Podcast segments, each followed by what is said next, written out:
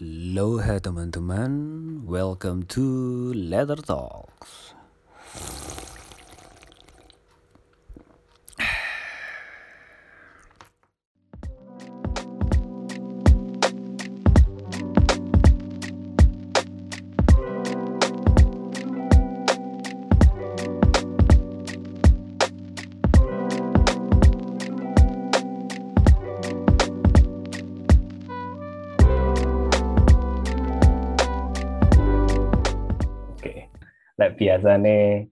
Eh, ketemu langsung, ketemu langsung sekali ini karena ya karena pandemi, terus akhirnya ya semuanya harus beradaptasi.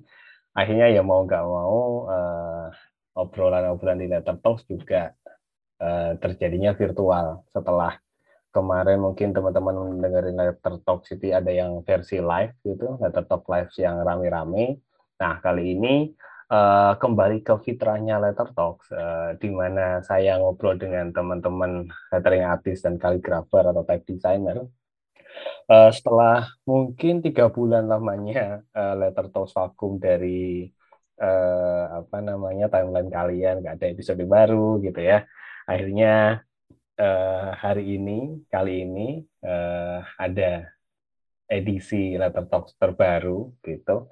Nah, eh, sekarang saya sudah bersama salah satu teman ya, salah satu kolega eh, yang sudah bergabung di sini sama saya. Monggo langsung dikenalkan aja, Mas. Ada siapa di Halo. sini? teman-teman.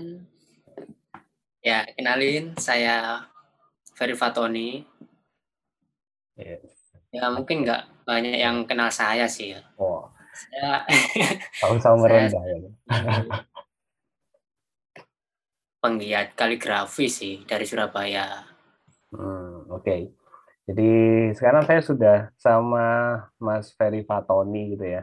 Eh, tadi kita udah, ngomong singkat gitu, eh, penggiat kaligrafi di Surabaya gitu. Nah, mungkin eh, obrolan-obrolan yang akan terjadi berikutnya ini eh, apa ya sedikit banyak memang tentang kaligrafi dan lettering sih, utamanya karena eh, saya di Malang dan dulu juga sempat di Surabaya. Jadi kayak eh, kita agak bisa sedikit agak nostalgia gitu ya, ya Vera ya. Mengingat gimana dulu awal-awal eh, hype-nya lettering sama kaligrafi muncul di mana? Di Malang sama Surabaya, Ton. Yo, pasti ya. Eh, eh, nah, kamu juga apa mengawali apa ya kenal kaligrafi sama lettering itu juga memang karena eh, waktu itu hype-nya lagi masuk ke Indonesia gitu ya? Atau kayak gimana Hmm. awalnya? Emang awal-awal yo waktu nge-hype-nya sih Hmm. waktu kaligrafina itu kan ya. Mhm. Terus yo wis ketemu satu satu satu terus nambah nambah nambah. Eh ketemu Mas Dimas pisan. ya kan ya. Seperti itu. Nah, awalnya tahu-tahu lettering sama kaligrafi ini gimana ceritanya? Kalau aku pribadi sebenarnya dari SMK udah suka sih tipografi gitu Oh, heeh. Tapi karena memang apa ya minatku rada enggak terlalu ke sana gitu ya. heeh. Jadi dapatnya ke kaligrafi. Nah, itu itu yang aku dalami waktu kuliah. Hmm. Dan kuliahnya juga jurusan. Pendidikan seni rupa. Oh, nah ini menarik. Kenapa kok? Eh, eh, eh, kenapa kok ngambilnya pendidikan seni rupa? Karena Eh. seni rupa kan ngambil kalau nggak eh, seni rupa murni atau di kafenya, ya. gitu kan. Nah, kenapa kok ambilnya pendidikannya? Sebenarnya kalau kuliahku wis pokoknya mlebu sih sakjane. Eh, Nah, jadi waktu itu pas wae sok fokus itu waktu di semester berapa ya? Semester 4 kalau nggak salah itu mulai ada kayak mata kuliah seni lukis. mhm, Itu mulai bisa masuk ke sana. mhm, Awalnya ya cuma ngelukis gambar-gambar ngono sih. mhm. Cuman gak kayak emang emang dasarnya ya gak gambar. Jadi ambilnya kaligrafi aja. Nah ya, emang kenapa ya? Nggak kalau dilihat dari apa eh, teman-teman yang lain kan ya juga seringnya gitu ya. uh, kenapa kok larinya ke kaligrafi, tipografi, apa lettering karena memang nggak bisa gambar gitu ya, kebanyakan ya. Iya, iya, apa ini keadaan ngono ya. Iya ya. Masa gambar ya iso sih, cuman nah. yo emang kayak kurangi opo ngono. Kurang eh uh, yes, feel-nya beda gitu ya. Aku juga lagi sambil apa lihat-lihat uh, Instagrammu juga ya. Jadi ya awal-awal juga ya, pasti kenalnya sama uh, kaligrafi ya, brush kaligrafi itu ya. Iya. Uh, nah. Benar. Nah itu uh, maksudnya setelah kamu kan kuliahnya waktu itu kan uh, kuliah pendidikan seni rupa gitu ya, terus juga mengenal uh, namanya apa namanya brush kaligrafi. Nah itu ada ada pengaruhnya gak antara apa yang kamu kerjakan di uh, kampus kuliah sama waktu itu juga, uh aku dapat uh, mainan baru brush kaligrafi nih gitu. Jadi tambah ya, Kau ada sama sekali padahal ya. Kayak dua dunia itu. Jadi oh. kuliah oh. ya kuliah, kayak letteringan, kaligrafian di, ya di hmm. luar gitu. Hmm. Jadi yo kayak dua dunia ngono ae. Ya dua dunia. Iku berlaku iya, sampai sekarang enggak? Sampai sekarang sih, iya. Sampai sekarang. Tapi nah. akhirnya sekarang setelah lulus uh, yang yang akhirnya dijadikan uh, pilihan jalan itu apakah kaligrafinya atau memang pendidikan seni ya? Kalau aku pribadi kaligrafi. Kaligrafi. Soalnya sebenarnya aku itu yo enggak terlalu ono iku sih jiwa pendidik ngono iku sih jane. Cuma kok iso mlebu pendidikan. Hmm. Cuma hmm. paling biyen eh ono seni rupae ngono paling ya. Iya mungkin ya waktu itu kan kowe uh, jiwa-jiwa muda lulus SMA gitu kan. Iya. Ah, iki yang penting ya, emang enggak seni-seni ini. Iku masuk nang pendidikan. Berarti memang secara secara kuliah yo belajar uh, jadi guru gitu ya. Outputnya, ya benar, tetap. Outputnya memang di guru eh, dikhususkan untuk Cuman menjadi guru. Ke sana. Ah, iya iya iya. Tapi yang penting kan uh, Mas Yoga dijalani jadi guru. Uh, dasar-dasar ilmu berkeseniannya kan yo oleh kan ya. Yo dapat lah. Hmm, bisa diterapkan. Nah, bisa terapkan. Yang penting kan itu ini kan. Nah, bantu iya. yo nah. pendidikan Eropa ya. Tapi mungkin pengaruhnya juga waktu kan aku juga lihat beberapa kali juga ngisi workshop juga toh. Nah, betul. Nah, kan juga mungkin bisa berpengaruh ke situ kali ya. Hmm.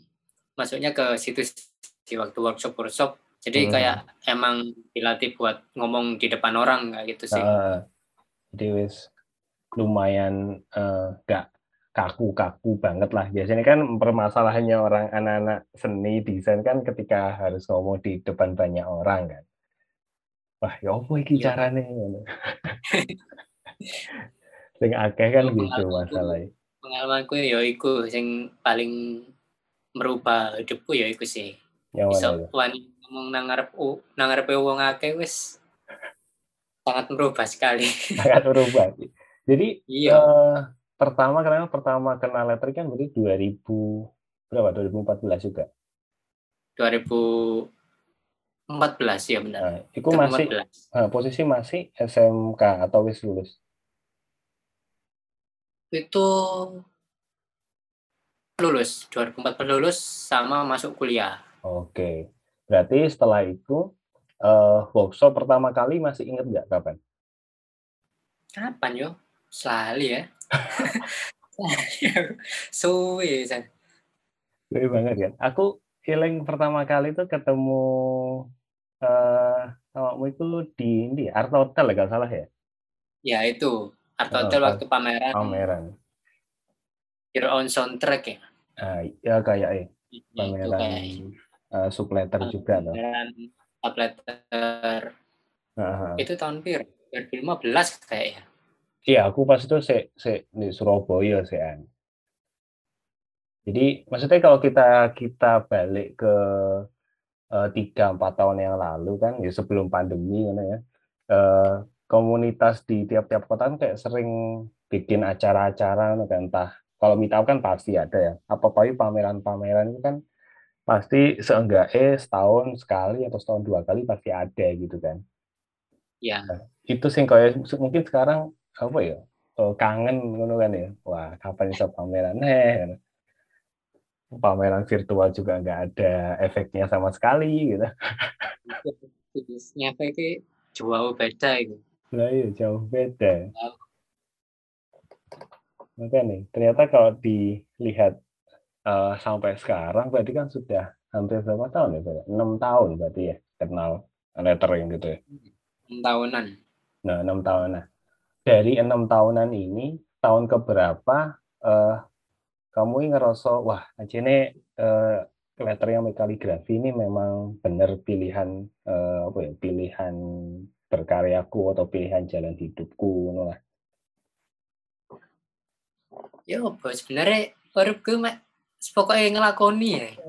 Ono Seneng aku lek wong sing ngene pokoke ngelakoni ya. Ono kesempatan ini yo yo wis gasak Hmm. Jadi ini sebenarnya apa ya? Apa ya? Aku bingung ngomongnya. Iya, iya, Pokoknya ono kesempatan nopo ngono wis tak tak leboni ya misalnya Hmm. Misal ono sing ngajak workshop nih. Hmm. Ya wes. Bedal. Oke. Okay. Oke. Okay.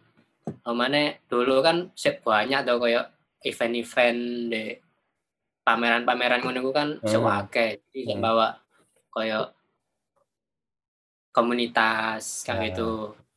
Nah, itu terus lah ada juga pernah magang di tempat kayak toko hmm. toko jual kayak yes alat-alat art kayak gitu sih makan di situ. Jadi ya wis kayak dolanan biasa ya gambar-gambar lettering ngono iku. Ya yes, ngono iku malahan. Magangnya malah enak ya? Iya. Iku iku pas magang magang kampus ya? kuliah ya? magang, magang kuliah. Aku sempet uh. malah ya diajak mural tempatnya juga. Uh. tapi tapi kan ya kayak secara berjalannya waktu ya secara nggak langsung masuknya ke dunia situ sih. Hmm. Hmm. Mural juga itu. Juga sering ikut kompetisi. Nah, terus nah. habis kuliah kerja juga ya sebagai desain grafis. Hmm. jadi ya di dilanjutnya lah melakukan ini ya pokoknya. Tapi yo en enak sih. Tapi ada ada target tertentu gak? Selain selain itu dilanjut noit apa target? Uh, aku pingin suatu hari pingin bikin kar gawe karya sing koyo ini atau pingin ya opo sebenarnya target kayak gitu sih pasti ada ya hmm. cuman memang dasarnya manusia sing males sih nemen nemen bener kayak aku sebenarnya Wes suwi lho gak update iki. Uh, bener bener nah. Oh mana nang Instagram wih. Yeah. Wis vakum pirang tahun nih. Yeah. Kenapa, kenapa? Karena sibuk di apa ya? Mencari apa? Uh, mencari sesuatu nasi di kehidupan nyata ya. iya sih. Ya, sebenarnya gak terlalu sibuk ya gak terlalu sibuk sih. Cuma kayak lagi aku dalam posisi kayak sedang di zona nyaman gue. Oh, iya. Berarti uh, maksudnya uh, kalau saya ya sekarang sedang berada di zona nyaman, uh, kalau sehari saat secara hari-hari ngono uh, kesibukannya apa ya? Kesibukanku yo kerja. Kerjaku hmm. yo kaligrafian logo. Oh, ngerti-ngerti aku. Yang itu kan foto logo kan. Iya, sih ikut tok. Yo foto logo sama si itu berarti ya si Wahyu ya. Heeh, sama si Wahyu waktu itu. Mm-mm. Kan si siapa? Uh, Ucup kan pernah sing ikut pas tiga bulan itu loh pas akhir tahun nah itu. Oh, sebentar tam itu ya. Waktu uh-uh. ada acara Black Friday lagi uh-uh. rame-rame ini. Iya. Berarti kan ini termasuk kamu sing lanjut langsung eh lanjut terus gitu kan sampai sekarang. Ya, masih lanjut ya, sih. Ya menjadi memang itu ya eh, orang kantoran ya. iya, masih orang kantoran ya tapi ya kantoran sih. Uh, tapi kan memang memang uh, akhirnya gitu ya. Jadi akhirnya bentuk kerja kayak gini ini uh, pernah kebayang nggak sebelumnya? Wah, aku iso kerja, aku iso urip hanya dengan coret-coret. Misalnya kan oleh foto lu coret-coret tuh ya. Kalau aku coret ya. ya. kita nggak nggak nggak mikirkan bentuk huruf yang proper kayak gimana kan. Ya betul. Ya. Nggak pernah, pernah kebayang sama nggak pernah sama. Eh, nah terus setelah ternyata ngelakoni iki, wah iso ternyata ya. ya itu kaget aja sih saya jadi. Kan ono koyo lowongan nang Instagram ngono ya. Heeh, bener. Coba-coba ae. Waktu itu kan aku masih kerja di koyo agensi desain ngono lah. Heeh. Yo sebagai desain grafis kayak gitu sih. Moro-moro ono iku lowongan iku nang Instagram mm -hmm. story. Coba lah. Yeah. Ya lah kok terima ngono. Heeh. Yo wes sampai saya gitu. Iya, itu juga uh, ya waktu itu waktu si apa jenenge iklan itu keluar di Instagram kan juga dapat oleh juga tapi ya karena aku ya sama kesibukan lain ya ah nyoba gak salah tapi ternyata ya tapi kan ya ternyata juga lumayan juga gitu kan ya Mesti dengan ya. bekerja memang full time Senin sampai Sabtu ya Jumat sampai Jumat sekarang. Sampai Jumat tuh ya saya ya. Ya Senin sampai Jumat ya, dengan coret-coret saya juga bisa menghasilkan teman-teman. Tapi akhirnya uh, kalau kalau uh, dibagi itu kan akhirnya yang sekarang uh, kerja full time ini kan sebagai profesi gitu kan ya. Nah, namanya ya. manusia kan uh, lewes sesuatu kalau sudah jadi profesi kan butuh pelampiasan hal pelampiasan lain gitu kan. Opo hmm. buat refreshing. Nah, itu sekarang yang kamu lakukan apa dalam hal berkarya loh? Kawi ya, tetap. Nah, aku pribadi saya mencoba berusaha sih berusaha hmm. ini berusaha mempertahankan apa sih tak lakuin hmm. khususnya di kaligrafi Jawa ini nah iya iya nah itu kita coba bertahan terus hmm. bagaimanapun caranya pokoknya masih menghasilkan karya satu atau dua dalam beberapa minggu atau bulan itu pokoknya hmm. tak coba Pokoknya saya tetap ya, konsisten gitu ya. soalnya mbok iki salahku mbok salah arek-arek sing liyane. Soale meskipun aku wis vakum gak gawe karya kok ngene beberapa bulan atau bisa dikatakan Heeh. ono sing minat ngono lho. Oh iya. Dalam tahun ini kayak moro-moro kan zona zona nyaman ya. Iya. Kerja turu, moro-moro email. Uh. Kita uh, menjadi speaker di salah satu apa jenenge? event conference kan conference ngono lah ya nah. hmm. kan yo aneh kan ya wis iya, suwe iya. kak enan moro-moro kok dijak ngene ya wis jadi aku sadar bahwa karya aku ini ono daya tarik sendiri gitu loh ya, meskipun ya, ya. lama nah itu ya. yang tak coba hmm, sangat berusaha sekali buat mempertahankan apa yang sudah tak lakuin sih hmm. Ya, berarti itu baru sadarnya, baru sadarnya ketika ono sing ngajak konferensiku atau sebelumnya itu wis mulai wah kok ini memang bisa jadi apa ya peganganku bisa jadi ciri khasku gitu sebenarnya sebelum itu semua mulai aku nah. sadar sih nah. waktu itu waktu kuliah juga pernah baca atau apa ya aku hmm. pernah sa hmm, sangat ingat sekali satu kalimat Hmm. Aku gak ngerti kalimat sing tak waca sing ya apa, cuma hmm. Pak uh, inget intinya iku apa. Hmm. Nah, iku uh, gini intinya. Semakin lokal, semakin internasional. Nah, hmm. Nah, itu sih. Yeah, Salah yeah, satu yeah. kalimat yang paling tak inget itu. Jadi, Jadi dari situ hmm. aku mulai mencari kan di situ. Yeah. Mulai mencari ya apa sih caranya aku iso kaligrafi tapi tetap bawa budaya lokal gitu loh. Mm-hmm. Nah dari situ aku ambil aksara Jawa nih. Okay. Nah ternyata yo work it. Uh, work it, work, work. Dan itu ah kan berawal dari satu kalimat itu ketika kuliah gitu ya. Ya benar. Terus uh, akhirnya ngulik aksara Jawa dengan Waktu itu juga kamu ngulik black letter juga atau ya? Apa-apa? Ngulik black letter. Oh iya benar. Waktu Heeh. itu juga black letter juga. Berarti yang yang awal awal dilakukan tuh mengkombinasikan si aksara Jawa dengan black letter atau eh, masih mempertahankan aksara Jawa bentuk aksara Jawanya?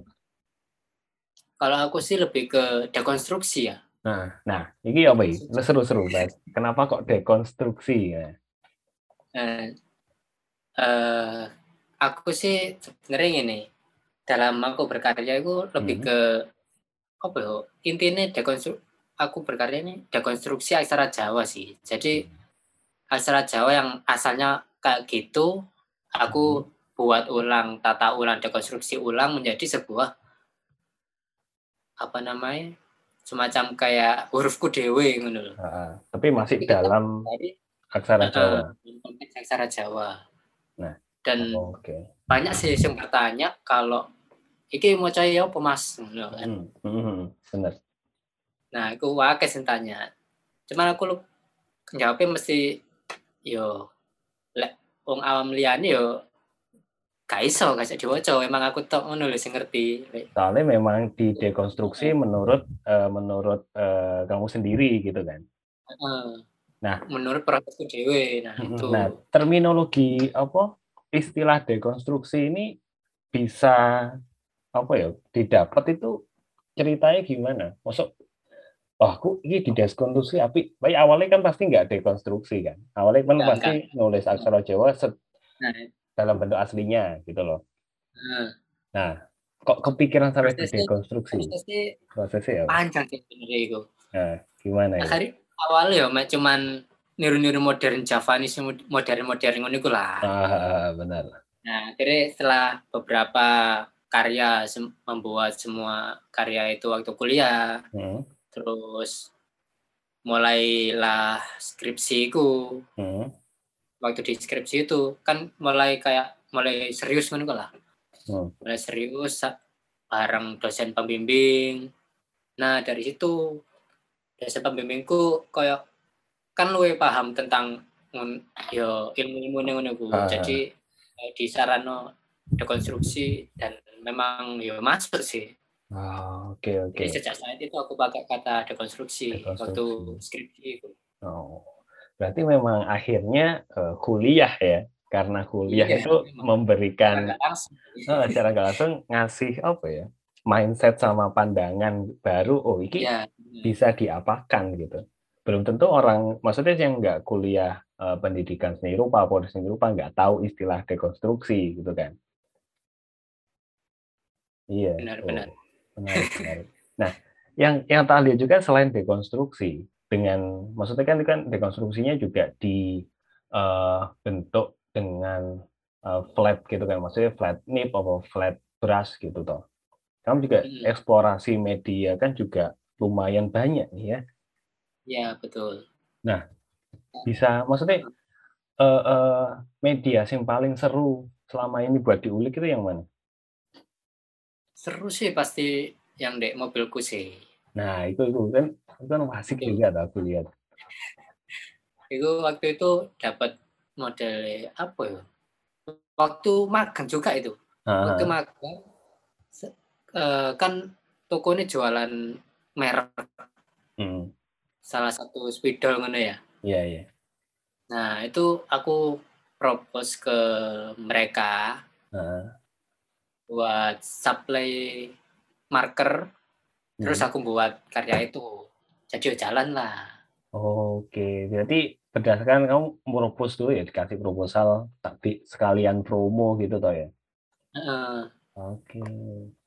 ya pula aku nggawe ngene nang mobilku terus tak promosin iki nggawe marker iki we. Akhirnya. Heeh. itu sekarang sampai sekarang mobilnya masih tetap kayak gitu. Hmm, sayang sekali udah nggak ada ya. Lain kali udah nggak ada. Sudah anu pindah tangan. Pindah tangan, Tapi- pasti nggak ada lah. Berarti dicat ulang tapi. Ya pastilah, me. Oh, tak kira tetap dengan wah, aku, aku mau beli karyanya kok Mas bukan mobilnya. sayang sekali. Siapa tahu kan ya, orang itu beli karyanya. Aku punya karya mas, tapi di mobil ya? Wis itu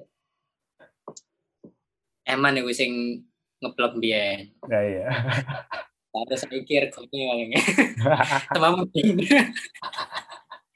tapi ya mungkin tapi sebenarnya juga jadi satu hal yang menarik buat diulik terus sih aksara Jawa ini. Nah, selain bentuknya gitu ya. Nah, kamu ngerasa yang paling sulit buat diolah ketika itu ngolah aksara Jawa ini apa sih?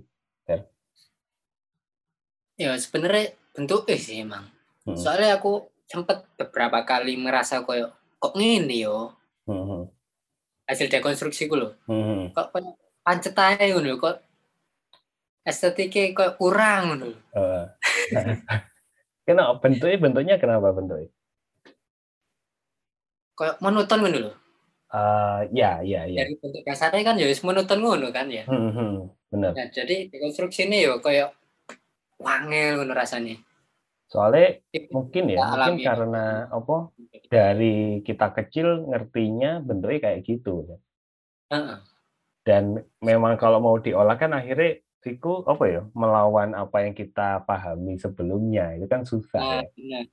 Uh, jadi, jadi lah rekonstruksi hmm. lalu ya aku malah bingung dewe iki meneh diwaca ya opo. nah, terus itu berapa lama nyarinya sampai dapat bentuk uh, dekonstruksi yang sekarang? Sebenarnya nggak bisa dikatakan berapa lama sih hmm. prosesnya itu dalam kurun waktu waktu perkuliahan itu sih. Oh, oke okay, oke. Okay. Berarti tiga tahunan lah. Tiga tahun. Aku mulai konstruksi hmm. aksara Jawa aku sekitar sekitar uh, tahun kedua kuliah. Hmm. Mungkin sampai akhirnya skripsi itu baru bisa dapat semacam kayak patokan hasil karya dekonstruksi kok gimana bisa baru dapat di situ sih. Oh, Oke, itu berarti satu misal uh, aksara ho gitu ya. Itu kalau hasil dekonstruksimu itu eh, bentuknya tetap atau memang bisa berubah-ubah? Bisa berubah-ubah. Soalnya oh, oke. Okay. Ada patokan awalku dewe kayak gimana alure mm-hmm. alure bikin konstruksi, mm-hmm. tapi tetap uh, misalnya butuh ruang sing lebih besar atau ruang lebih nah. kecil itu pasti tak itu sih aku sesuaiin sih. Oh, berarti bentuknya bisa lebih anu ya, adaptif mana ya? Iya, benar. Nah, lebih variatif juga. Lebih variatif juga. Oke, oke, oke. Uh, paham, paham. Soalnya kan tak kira, tak kira bentuknya kamu harus menemukan satu bentuk paten kunci ngono lah. Misal hoiki dari yang bentuknya uh, tiga bukit itu bentuknya kamu dikonsumsi kayak gimana itu udah jadi bentuk final. Saya cuma bentuk uh, final acuannya gitu ya.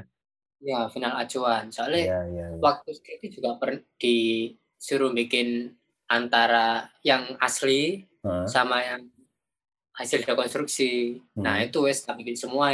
Acuannya kayak gitu. Jadi ya hmm. ya wes wes dapat acuannya kayak gitu, ya wes waktu pengaplikasiannya tak sesuaiin sama layout dan yes koyo estetiknya ya apa lah kurangnya butuhnya kok gimana ya wes disesuaikan tebel di PCA yang lah. Hmm, oke oke. Menarik menarik. Soalnya uh, aku juga karena ngulik aksara Jawa juga gitu ya. Tapi ya masih masih dengan pakem sing asli gitu. Ketika mau buat uh, dekonstruksi juga memang masih terkunci di bentuk asli gitu ya. Mungkin pendekatannya kan beda gitu kan antara pendekatanku dengan pendekatanmu kan ya beda gitu kan. Tapi jadi satu hal yang memang wis apa ya tanpa apa ya tanpa disengaja jadi ciri khas ini Fer ya. Wah, Ferry Fatoni pasti uh, modelin Javanese dekonstruksi. masih yo masih yo upload pirang-pirang tahun tetap tetap digoleki ya. iya, pasti lah. Tahun karya tahun 2016 saya loh. Hmm. Ya orang sing ngontak aku dalam bulan lalu. Oh iya, kontaknya ngapain itu? Ya, jadi kan ada salah satu karya aku di mural sih, mural. Hmm. hmm. Itu pakai yang cara Jawa itulah. Hmm. Nah, itu tahun 2016. Kemarin tak cek masih ada sih emang, tapi hmm. sebulan. Nah.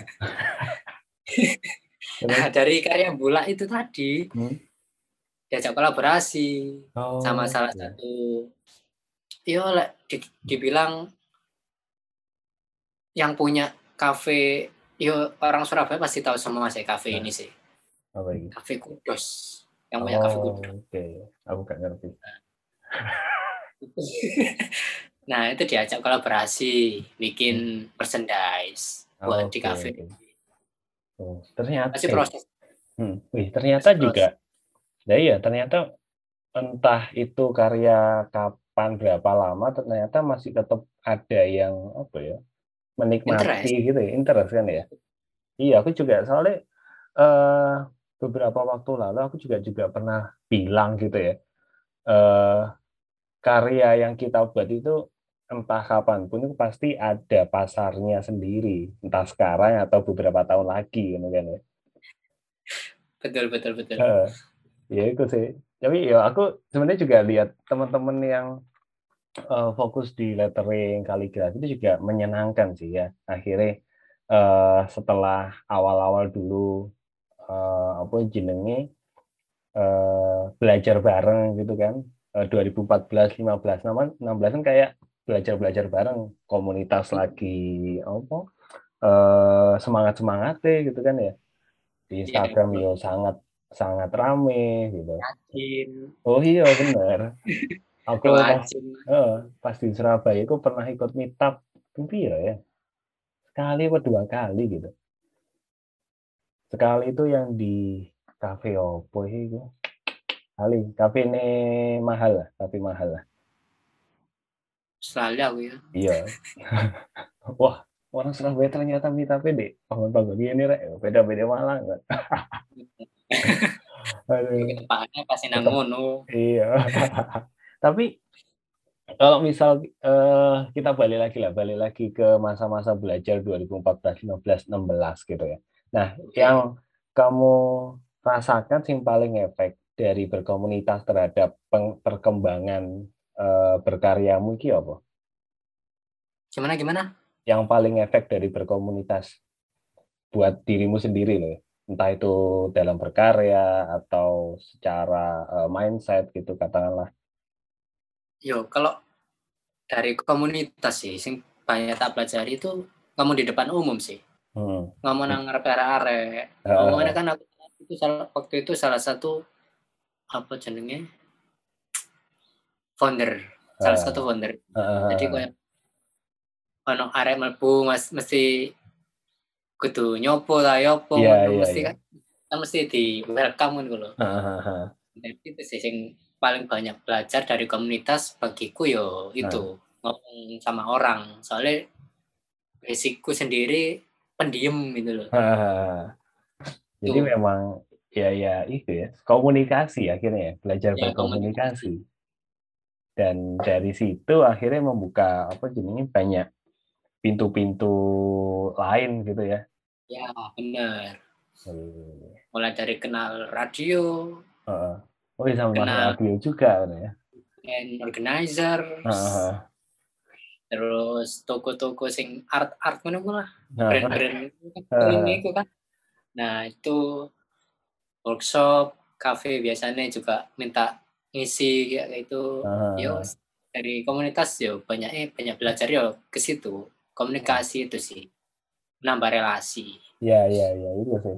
Nah, yang yang paling apa ya, yang paling eh, bermanfaat sebenarnya kalau komunitas dari se- da- selain dari informasi tentang apa berkarya mungkin ya, cara bersosialisasi ya, Hmm, benar bener-bener. kalau Pak itu lebih ke situnya sih Hmm, hmm, hmm. Tapi ya, ya aku yang ngerasa sama juga sih. Akhirnya punya banyak teman gitu ya. Bisa bikin letter talk ini gitu. Nah, gak gara-gara komunitas yo gak ngerti. Misal gak gabung komunitas katanya gak bisa letter talk ngajak ngobrol sopo. ngobrol dewe Lah iya, gak seru akhirnya. Berarti memang wah menarik sih kok perjalanannya berarti wis 6 6 tahun lebih gitu ya. Ngomongnya mikir. "Oh, ternyata wis kenal lettering sama kaligrafi udah enam tahun gitu. Nah, kalau sekarang saya masih ada gak kalau misal masalah eh, dekonstruksi aksara Jawa tadi eh, yang belum kesampaian mungkin proyek-proyek apa gitu atau pengen bikin apa Uh, sangat banyak sih. Nang hmm. dalam pikiranku banyak sekali sih yang mau salah tak satunya, bikin. Salah satunya. Sing Salah koyoke satunya itu- paling menarik iki. Paling menarik yo. Aku pengen bikin apa ya? Aksara Jawa aku jadi tiga dimensi sih. Uh. Ya ya. Konsepnya ya tiga dimensi itu dalam bentuk produk. Awalnya masih Maksudnya nyata Digital sih lah. digital. Digital. Pengen Hmm. banget tiga dimensi. Jadi pengen membawa dekonstruksi aksara Jawa aku dalam bentuk karya tiga dimensi. Oke. Meskipun itu dalam bentuk digital Hmm, atau nantinya bisa berupa patung hmm, hmm. ya itu sih sing paling pengen tak buat Oh, menarik, menarik. Iya sih. Soalnya juga, eh maksudnya ke, keinginanmu untuk ngulik sesuatu yang baru ini berarti eh didapatnya dari mana, Fere? Soalnya kan aku dulu kan eh, dari yang awalnya, ayo, dari yang awalnya eh bahas kaligrafi biasa, lettering, mural, kenal eh, dapat satu kalimat yang tentang lokal tapi internasional tadi, gitu kan ya.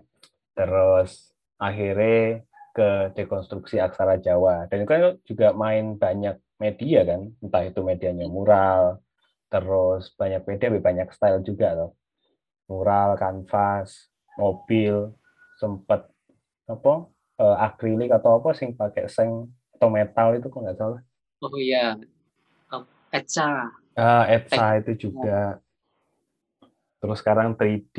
Nah, sebagai orang yang tadi di awal ngomong apa pun yang ada tak lakoni ngene ae, kok ternyata keinginannya sangat banyak gitu. Eh, ini urip kan wis mlaku terus lah Iya. yo pasti ono lah masuk jalannya pasti ono ae eh, yang yang penting ngerti pinginnya apa ya. iya Heeh. tetep ono keinginan pasti Mhm. harus sih karena ya wis tur wae Ya, seperti sehari-hari kerja turu, kerja turu gitu ya. iya toleran moro-moro oleh email Oh, ternyata menarik ya. Tapi enak sih. Berarti kalau kalau sekarang selain selain eh, kerja full time tadi, terus sambil eh, terus konsisten ngulik eh, dekonstruksi aksara Jawa, apalagi yang diulik sama Ferry Fatoni selain itu sekarang? oh ya selain itu Nggak ada lagi. Game paling ya. game wah iki wah kayak aduh Aduh. Jangan nyamanin angkun ora Iya. kais ganti game. Tapi eh kalau kita ngomong soal apa pandemi kan ya, efeknya efeknya ke ke kamu sendiri apa Feb? Ada nggak? Hmm, nggak terlalu sih lek lek bagiku sih. Soalnya kan dari segi kerjaanku kan ya online gitu loh. Iya. Cuman sing efek cuman ya jarang keluar sih. Hmm. Sing menurutku pengennya jalan-jalan ke mana atau nge-mall paling cedek-cedek nge-mall kah? Hmm. Nge-mall lah. Terus yo seenggaknya ketemu karo konco kan Ah. gampang Iya iya. Saiki wangel. Wis iku sih sing berdampak. Masalah kerjaan gak nggak ada pengaruh sih. Nggak ada pengaruh soalnya ya karena online itu tadi ya. Tapi ngaruh ke itu enggak ya? Kalau secara eh, eh, pemasukan gitu ya, dompet kan aman nih. Tapi secara Eh, secara mah ketemu konco, itu kan akhirnya ngaruh Nah, ke mood, mood nggak sih ngaruh ke mood sampai ke mental gak sih? iya sih, lek bagiku gini. Semangat berkarya aku ku koyo membara. Heeh. Lek ono koncone ngono. Nah, nah, nah, itu menarik itu. Benar, benar. Biyen sering kumpul konco kan.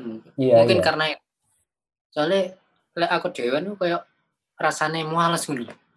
Kayak juga ya, mek. Wis garap kewajiban kerja tok kan. kurang kurang greget nih perkara. Heeh, memang ya. Tapi, tapi Masuk mungkin memang ya. sih. heeh. Mungkin banyak orang yang setuju juga gitu. Karena mungkin eh, kenapa kok dulu awalnya berkomunitas ben ben ono koncone gawe ngulik sesuatu gitu kan ya. Kalau sekarang pun diganti obrolan virtual kayak gini juga eh, nggak bisa nggak bisa banyak membantu untuk menimbulkan semangat berkarya gitu kan ya. Tetap ada lah, tetap ada lah.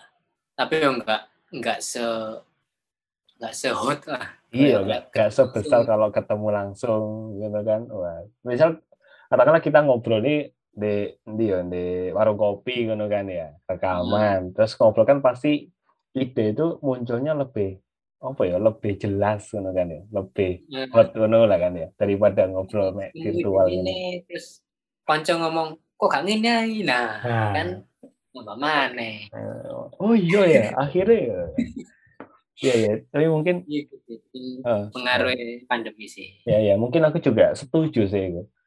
Kalau secara apa persona sih nggak ada masalah gitu ya. Tapi ya itu sih aku juga, aku ya merasakan juga. Mungkin teman-teman yang dengar ini juga merasakan ketika eh apa nggak bisa bebas keluar terus agak susah ketemu teman-teman di luar itu akhirnya berpengaruh terhadap semangat buat berkarya, semangat ngulik sesuatu yang baru gitu. Akhirnya nguliknya iku-iku aja. Ya tapi itu eh, mungkin itu PR apa ya? PR. PR pribadi. Tapi enggak enggak enggak enggak enggak cuma pribadi sih. Nah, banyak banyak kok sih ngerasa kayak gitu. Mungkin PR PR terhadap pandemi itu kayak gini sih sekarang. Umpamanya lah bisa saya ketemu konco cuma dibatasi 20 menit ya. Enak ya. Iya. Oh, bo. Sik tas ngomong no ide, wah enaknya gini, Bang. Tapi wis, Mas, maaf Mas, 20 menit. ya. Harus keluar, ya. kan gak enak ya. Aduh anak sapi. Waduh, Sofi.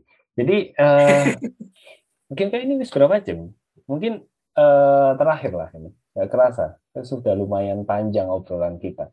Eh, mungkin eh, ada kalimat atau ada apa ya saran gitu dari seorang Ferry Fatoni sama teman-teman yang mungkin tertarik untuk ngulik aksara Jawa gitu Eh, atau yang lain. ada satu sih, ya, sing tadi tak sampaikan. Hmm. Misalkan ka, apa kalian mau berkarya, menurutku sih Hmm. cari apa yang memang eh, bisa membawa kita ke dunia yang lebih luas. Hmm. Misalkan budaya kita yang paling lokal lokal sendiri Hmm. atau apa ya? Yaitu sing bud- eh, lebih lokal, lebih internasional sih. Iya. Soalnya itu yang paling tak pegang dari dulu Hmm. sampai sekarang Sampai sekarang. sangat berdampak sekali. Iya, iya, iya. Eh, Benar-benar, aku juga setuju. Aku juga jadi ingat eh, salah satu ucapan dosenku dulu waktu di Bandung kan. Eh, ya aku awalnya sama ketika mau ngajuin proposal tesis ini. Eh, awalnya kan pengen ngangkat soal eh, lettering kan, lettering alfabet Latin. Wis tak siapno proposale, proposale terus eh, segala macamnya lah. Konsep ini wis tak siap sampaikan. Jebret jebret jebret presentasi. Terus dosenku cuma ngomong ini tok gini. Kamu yakin ketika bawa ini nanti kamu bisa bersaing di level internasional? Gitu. Eh, lumayan pak. Oh yang yang benar gitu. Karena se sepinter apa pun kamu menguasai soal eh, lettering atau apa ya huruf-huruf Latin mereka akan lebih jago. Karena itu bahasa mereka karena itu sehari-hari mereka kan kan. Benar. Kenapa kamu kok gak ngangkat soal eh, aksara-aksara Nusantara aja? Gitu. Ketika itu kamu bawa ke level internasional, mereka akan malah akan penasaran kok bisa bentuk huruf kayak gini itu bisa dibaca gitu karena bukan budaya mereka. Yes. ya dari situ akhirnya oh iya ya benar juga dan lawan dosen-dosen ini memang menang pengalaman kok ya. Setuju lah itu. Iya. Akhirnya memang memang benar memang benar. Uh, yang kita punya memang budaya itu sih yang sangat sangat apa ya sangat terbuka untuk diolah dan diulik. Ya. dan masih dan masih terlalu mungkin masih terlalu banyak yang belum diangkat dan dibahas ya. Iya sangat banyak sih yang bisa diangkat sama teman-teman semuanya sih. Mm-hmm. dari de, uh, budaya masing-masing daerah kan banyak sekali oh, uh, sangat sangat bukan daerah cuma satu, ya, bukan cuma hurufnya aja. benar bukan cuma hurufnya aja gitu. Banyak. Aku malah kemarin terakhir ketemu nemu si temanku Aditya Bayu. Dia nemu eh, bentuk kartu bujang omi. Iki kartu reminya orang eh, apa ya? Bugis kalau nggak salah. Jadi orang Bugis ya. punya desain kartu remi sendiri. Waktu baru tahu.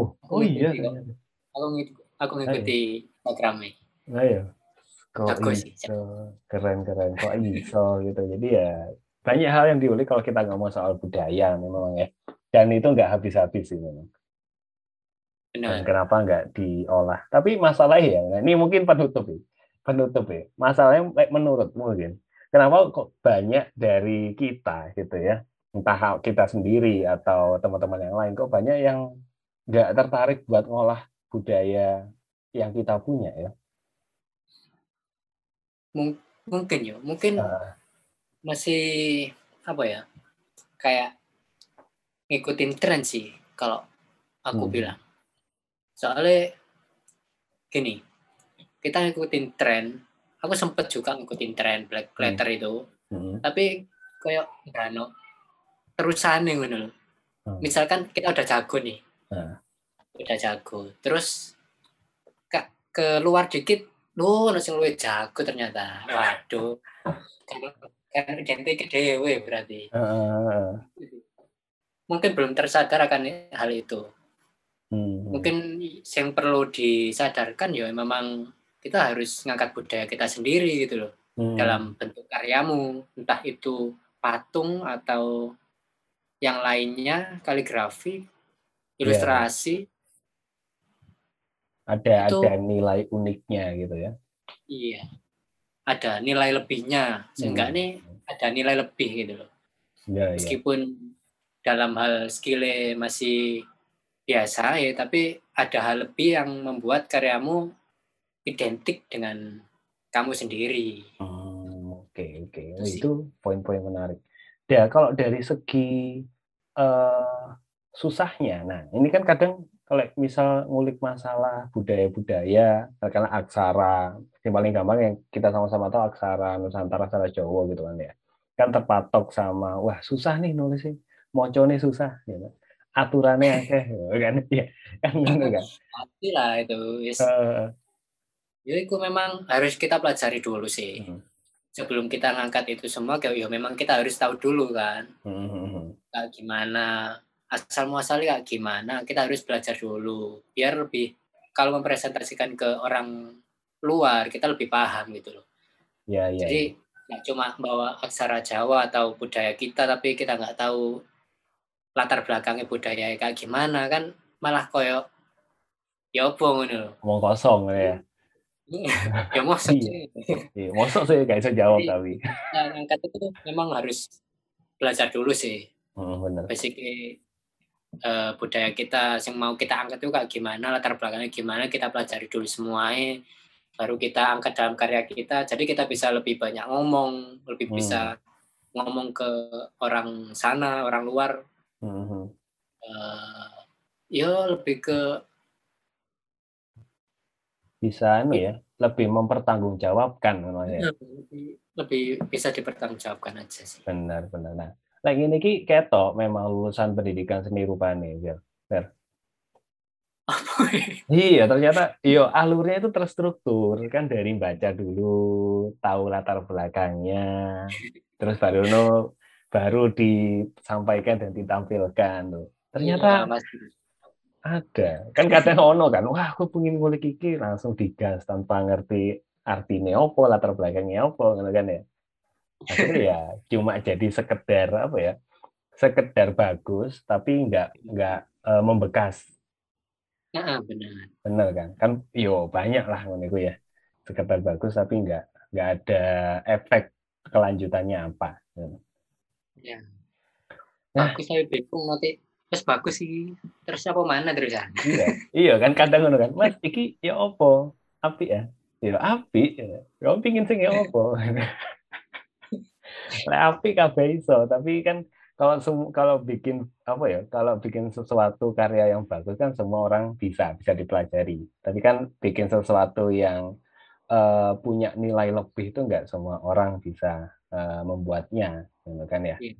oke. Okay. ya, itu itu tuh nilai lebih nilai lebih kunci kata kunci di episode ini mempunyai sesuatu nilai yang lebih oke okay.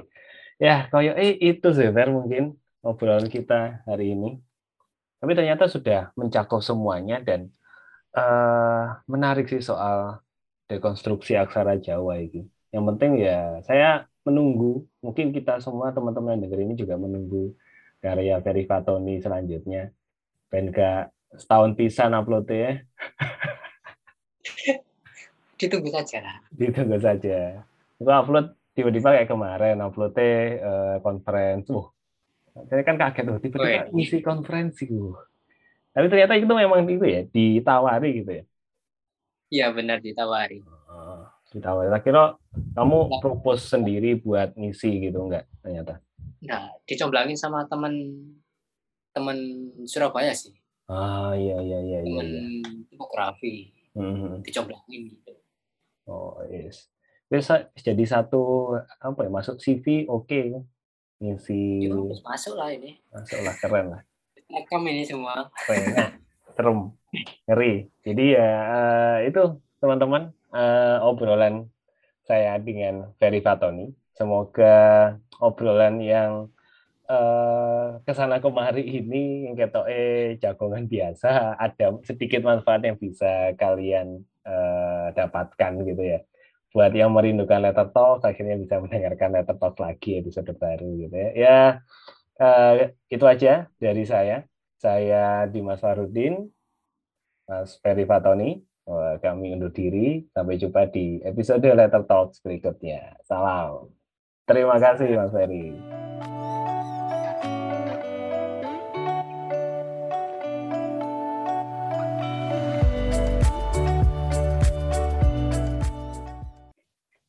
Ono tambahan. Kok ono anu lho kaya nonton Avengers lho. Ono anu nih. Uh, apa? Kredit tele kredit sini ya wa ya wa ya wa bedanya buat iya. digital manual ini. Uh, sebenarnya pot sama ya sama. Proses berkarya ya berdua cuman bedanya ya mek nang proses media nih sih. Media nih ya. Membiasakan uh, itu nih kan ya? Uh, soalnya kan misalkan kita di manual kita butuh hmm sketsa yang lebih jelas. Hmm. dan eksekusinya ya harus lebih tepat sih. Jadi kan kayak sok di klik dua. Kayak di klik dua iya. Nah, iya itu. ya jadi kalau manual kan lebih di apa namanya sketsanya lebih jelas hmm. terus ada semacam kayak aku biasanya bikinnya itu ada satu kertas atau media sing tak buat latihan garis dulu sebelum masuk ke sketsane. Nah, nah jadi sketsane aku berupa kayak alur itu. Uh-huh. Alur karikaku. Uh-huh. Nah, langsung aplikasiannya langsung pakai kuas itu. Alur nah, tarikane itu ya. Aku latihan de, itu sih. Hmm. Partoretan sih. Hmm. Pakai kuas sih sebelum nah, ke media asli, asli ya. Nah, digital nggak perlu itu ya. Digital yo. Saya tepak ya apa wis dianu ae, gak iso dibuka ngono ya. Tapi file file lebih dapat sing di menurutmu? Uh, digital lebih gampang, cuma file aku lebih dapat file waktu manual. Iya. entah entah kabeh. Mungkin ngerasa ngono bisa juga. mengganti belum bisa menggantikan secara mungkin kalau lek tarikane iso sih iso menggantikan ya. Tapi ekspresi tarikane terus apa kaya berasing pintai moro-moro entek itu kan sing ambek Nah, digital gak iso. meskipun pakai beras sing wis tuku-tuku ngono yo tetep gak gak ono sing iso Gak iso. tetap ya bener-bener tetap gak iso menggantikan kok ya